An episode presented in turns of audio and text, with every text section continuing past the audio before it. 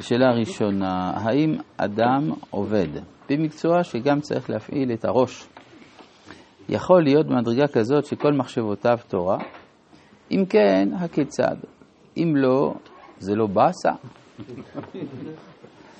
התשובה היא שזה בהחלט אפשרי. השאלה איפה מוקד ההכרה של האדם. מוקד ההכרה של האדם לא משתנה, ב, לא משנה אם הוא נמצא בפעילות של קודש או של חול, האם הוא אה, במצב אה, אה, נעלה, במצב נמוך וכולי, תמיד מוקד ההכרה, זה מה שקובע את השייכות שלו לתורה, זה המשמעות של הדברים, ולכן זה בהחלט אפשרי. אם לא, זה אכן באסה. שאלה שנייה, הרמ"ק אומר, אפילו בראייה קלה שבקלים, תהיה מאוד חשובה בעיניו, ייתן דעתו עליה. כיצד מצינו גדולי עולם שהורגים חרקים, אף על פי שאינם גורמים להם צער או נזק? אה, אני לא שמעתי על גדולי עולם שהורגים חרקים אם הם לא גורמים להם צער או נזק. לא מצאנו. זה בלתי אפשרי, והראיה מהרב קוק. עם העלה, כמפורסם. טוב, ובכן... רב אריה לוין. כן, ככה, אמרו שזה הרב אריה לוין, לא יודע אם זה... כן. טוב, אה, איפה אנחנו? בפרק ב', בעמוד ל"ד.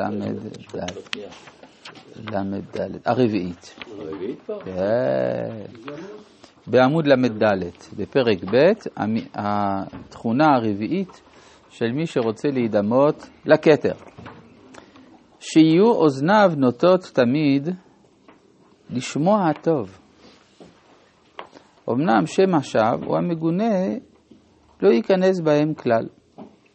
כדרך שסוד האזנה העליונה אין שום צעקת דין, ולא פגם לשון הרע נכנס שם. כך לא יאזין אלא הטובות והדברים המועילים. ושאר הדברים המגבירים כעס לא יאזין עליהם כלל.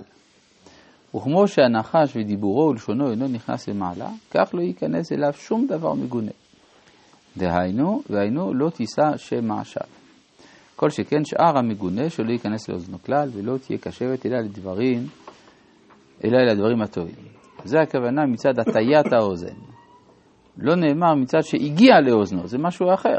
כן? השאלה היא רק ל... לא, כלומר, לא נאמר כאן שאדם לא ידע מה קורה בעולם, אלא הכוונה למה הוא, במה הוא מתמקד. זה כמו השאלה שנשאלה בוואטסאפ, על uh, האם אפשר כל הזמן להיות מחשבה של תורה, התשובה היא, איפה מוקד ההכרה. אז גם פה, האדם מתהלך בעולם כדי, לק... והוא קולט כל מיני דברים. השאלה, במה הוא מעוניין לקלוט? כן, הרי אנחנו מסננים, אנחנו לפעמים הרי אם אני מסתכל על נוף שלם, מן הסתם שאני אתמקד בדבר מסוים, לא בכללות הנוף. אז אותה שאלה, העולם, באותו אופן העולם כולו הוא כמו נוף אחד גדול, הוא נוף שכולל לאו דווקא ציורים, הוא גם כולל, הוא כולל קולות, מחשבות, רעיונות, והשאלה היא את מה אני מעוניין להכניס בתוך העולם הפנימי שלי ומה לא. זה הכוונה מטה. כן? הוא מטה אוזנו לדברים הטובים. הרב, מה הכוונה שלא מגיע למעלה דין? כן, במידת הכתר אין שם דין. אין דין. אין דין. זה מידת הרחמים שם. רחמים עליונים. החמישית, עיניו. לא יסתכל בהן כלל בשום דבר מגונה. כלומר, זה אומר שלא שומע דבר מגונה, הוא גם לא מסתכל בדבר מגונה. וזה לא מסתכל, לא מחפש.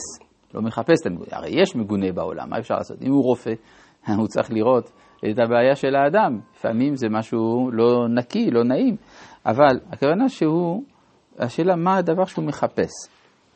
אמנם תהיינה תמיד פיקוחות, להשגיח ולרחם על האומללים כפי כוחו, וכשיראה בצרת עני לא יעצים עיניו כלל, אלא יתבונן בדעתו עליו כפי כוחו ויעורר רחמים עליו בפני שמיים ובפני הבריות. להתרחק מכל השגח, השגחה רע, כלומר להשגיח באופן רע, כדרך שהעין העליונה פיקוחה מסתכלת תמיד אל הטוב. יש סיפור אה, שמובא על ידי הרב משה אלחרר,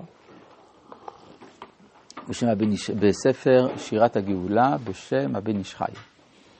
למה אני מצטט את זה שם? בגלל שציטטתי את זה גם בקונטרס באורך, ושם מישהו אמר לי שהוא הסתכל במקור המצוין בבן איש חי וזה לא כתוב שם. כי לקחתי מהספר של הרב יוחנן, צריך לבדוק את המקור. שפעם היה יהודי אחד שאמר לבן איש חי דברים קשים על יהדות גרמניה. יש שם התבוללות, יש שם אה, אה, רפורמה ועוד כל מיני דברים כאלה. ואז הבן איש חי אמר לו, אתה כמו הזבוב, שמחפש את החלק הרקוב של הבשר. כן? תחפש את החלק הבריא, מה אתה מחפש את החלק נעים? דבר נוסף, הוא אפילו העיר לו שגם אצל יהודי גרמניה, אף על פי שיש מה לתקן, אבל הם אינם מתביישים בזהותם היהודית. שם ישראל לתפארת הוא להם. כל זמן שהאדם יש לו אה, תפארת מזה שהוא מישראל, אז זו זכות עצומה שאי אפשר להתעלם ממנה. טוב, השישית, מה? זה לא נמצא בבן שלך במפורש? זה בעוד יוסף חי, אני חושב. סיפור. כן, אני צריך לחפש את המקור. זהו, זה... מה? אפשר, אז הבן אדם מתקשר אליי ואמר לי שהוא לא מצא, אמרתי לו, תתקשר לרב משה אלחרר. כן, זה בדיוק מה שעשיתי. טוב, השישי, השישית, התכונה השישית. בחותמו, מעולם לא יימצא בו חרון אף כלל. כן, הרי כשאדם כועס, הרי מה זה חרון אף? כן? מה הקשר בין האף לבין הכעס? מבחינה פיזיולוגית, כשאדם כועס, אז זה מורגש בקצה האף. יש איזה רצפטורים, כן, של האמוראים. אה, אז אה, השישי, בחותמו, מעולם לא יימצא בו חרון אף כלל, אלא תמיד באפו חיים ורצון טוב ואריכות אף. אפילו, ואפילו לאותם שאינם הגונים. ותמיד רוצה למלות רצון ולהפיק כל שאלה ולהחיות כל נתקה, ומוציא מחותמו תמיד מחילת עוון והעברת פשע, ואינו כועס בחוטא לו, אלא מתרצה תמיד וחפץ חסד, לעשות נחת רוח לכל. כן, אגב, לגבי מה שאמרנו שיש זכות, לפני כן, מה שאני סיפור, שיש זכות מיוחדת בלהיות ישראל, כן, שם ישראל תפארת, זה לא סתם איזו זכות אה, בין הזכויות. כי השאלה היא, מה הענף ומה השורש? האם השורש זה התורה, ומתוך התורה יש קדושה לישראל, או שזה הפוך? כן? ברור שישראל קדמו לתורה. עכשיו, לזה יש גם השלכה לגבי ארץ ישראל. הרי ארץ ישראל היא שלנו לא מכוח התורה, אלא מכוח ההבטחה שנתן הקדוש ברוך הוא לאבות, וזה היה לפני מעמד הר סיני, לפני שהייתה תורה בעולם. זכות אבות. כן, זכות אבות. ולכן אני מנצל את הבמה הזאת, כי שמעתי אתמול תלמיד חכם, אחד אומר, שכל העניין של ארץ ישראל זה מכוח התורה שקיבלנו בסיני. כי זה השורש, זה התורה, והענף ארץ ישראל. ולכן ראיתי בזה מקום לנצל את הבמה למחאה נמרצת על הדברים האלה. טוב, השביעית. הרב, אבל זה מה? מוזכר בהמשך לגבי ארץ ישראל, ההבטחה, הקדוש ברוך הוא מזכיר את זה בתורה בעוד כמה... אחר כך הוא מזכיר את זה גם בתורה, נכון. אבל אם התורה לא הייתה ניתנת, לא הייתה הבטחה על הארץ. יש הבטחה על הארץ בלי קשר לזה. כן, כן. זה לא חשוב לקיים מצוות. כן, אבל למה דווקא הישיבה בארץ ישראל תלויה במצוות לכאורה? אה, אבל לא הכניסה אליה. לא בצדקתך. אתה בא לרשת. להתמיד אתה צריך מצוות. כן? כי צריך להתנהג בהתאם, מה שנקרא. אבל יש גם, הלוואי, אה, בית ישראל יושבים על אדמתם וי- ויחללו אותה, ויטמאו אותה. הלוואי והיו יושבים על אדמתם אף על פי שמטמאים אותה. אבל למעשה גלינו כי... כן, כי זה לא יפה להתנהג ככה עם הארץ, ברור. כלומר, אם כבר החלטנו לקיים את התורה, כן, כי יכולנו לא, לא לקבל את התורה, אבל אם כבר קיבלנו את התורה, אז זה לא יפה לא לקיים אותה. לא לקיים אותה, זה אנחנו לא ראויים לארץ, זו הכוונה. הארץ היא כמו כלה, כלה שהיא צריכה טיפול מיוחד.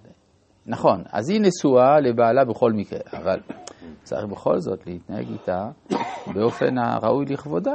זה כל הסיבה. אבל הארץ זה קדם, אין מה, אין מה לעשות. רבי חנניה בן הקשה. אומר, רצה הקדוש ברוך הוא לזכות את ישראל, לפרח ירבה להם תורה ומצוות, שנאמר, אדוני חפש מה תקראו תורה ויד